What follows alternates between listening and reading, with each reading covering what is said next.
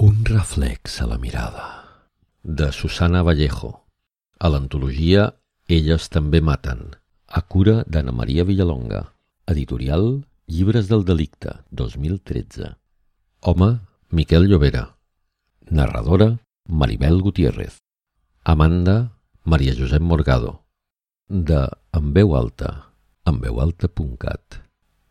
Música, quart moviment de la cinquena sinfonia de Gustav Mahler.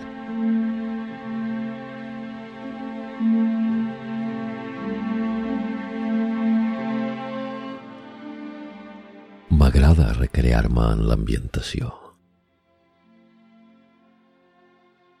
Els descric com il·luminaré el dormitori. Els dic que encendré espelmes aromàtiques i que una llum daurada i càlida acariciarà la seva cara. I després, a la meva habitació, tènuament il·luminada, gairebé a les fosques, els dic que no hi ha res més vell que la lluentor dels seus ulls a la llum de les espelmes. Això els agrada a totes. És fàcil complaure-les i fer-les felices. Només haig de dir-los el que desitgen sentir. I sóc bo en això, molt bo.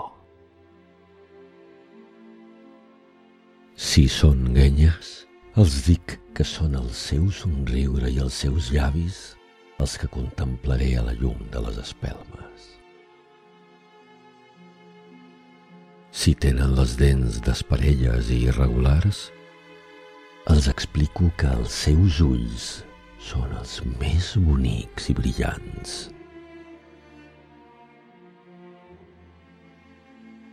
Amb el temps m'he especialitzat en un determinat tipus de dona. Després de tants anys, puc distingir-les entre una multitud. No han de ser ni molt primes ni molt grasses. M'agraden les dones amb corbes. Que hi hagi d'on agafar-se. Però no em serveix qualsevol corba. Ha de ser greix ben repartit per tot el cos. Cames gruixudes però ben tornejades. Braços forts i malucs ferms i amples.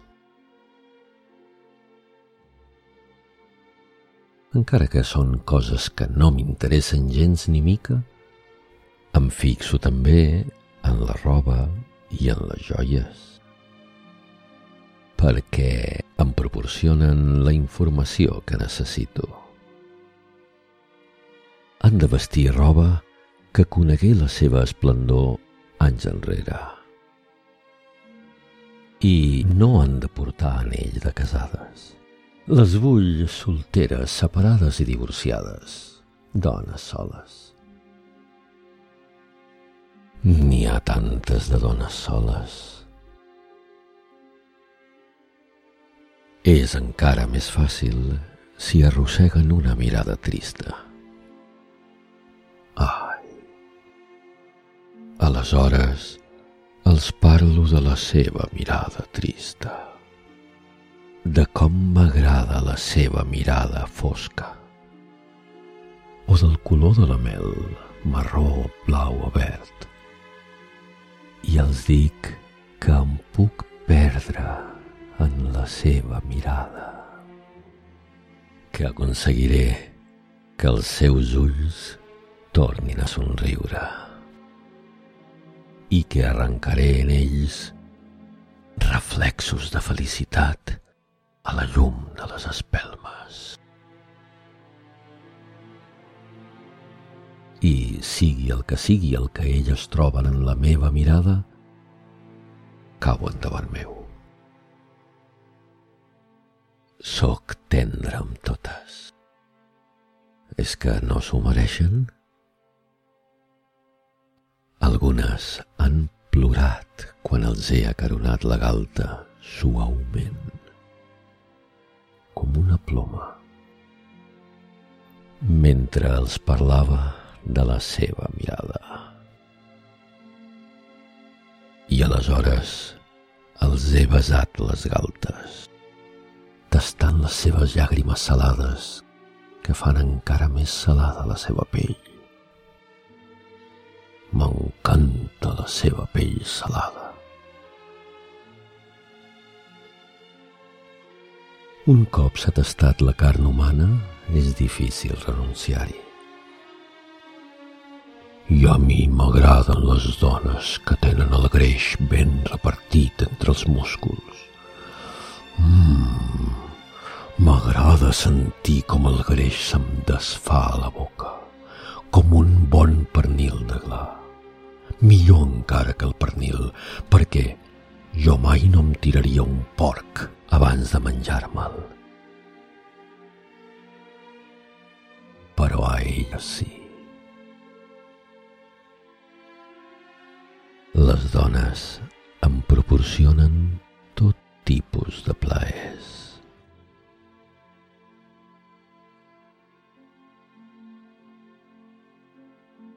Ella aixecà la mirada cap a la d'ell i ell trigà aquell moment per acaronar la seva cara.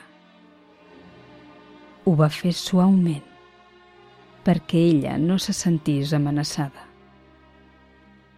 Després retirà lentament un floc de cabell que li cobria la trista mirada i li col·locà a poc a poc darrere l'orella.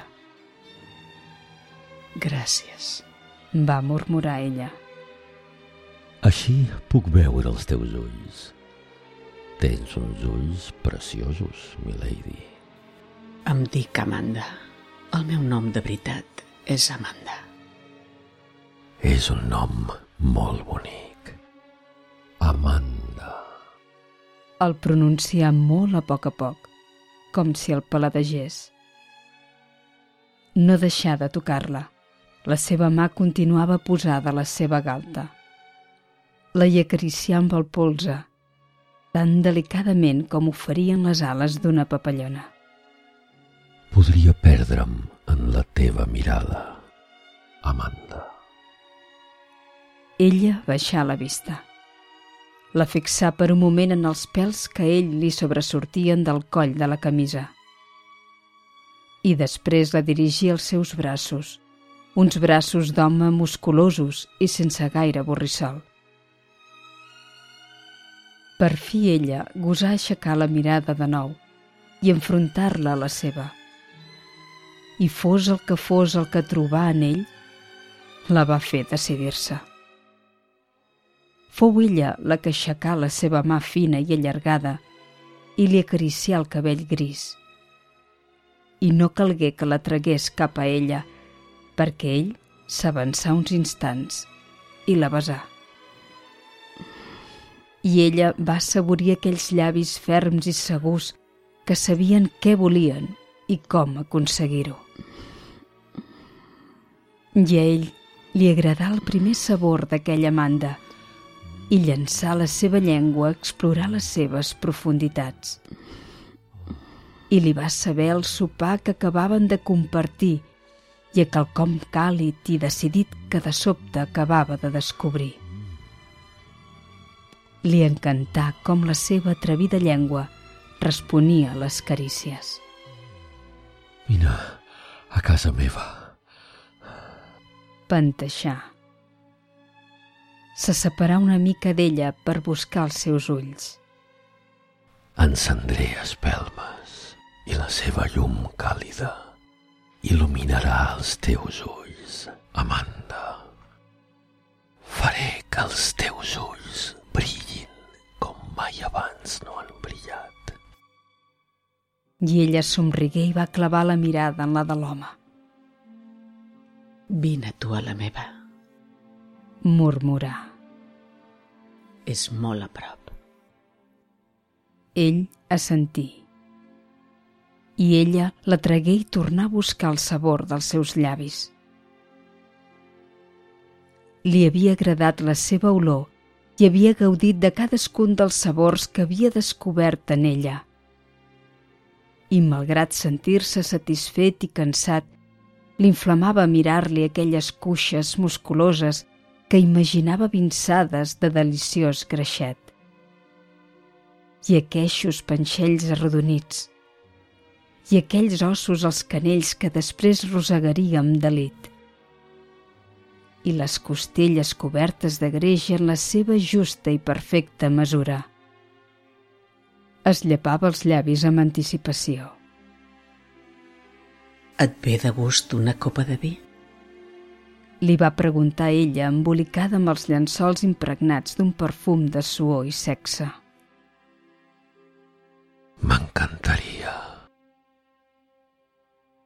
Ja havien compartit durant el sopar una ampolla de vi negre molt suau.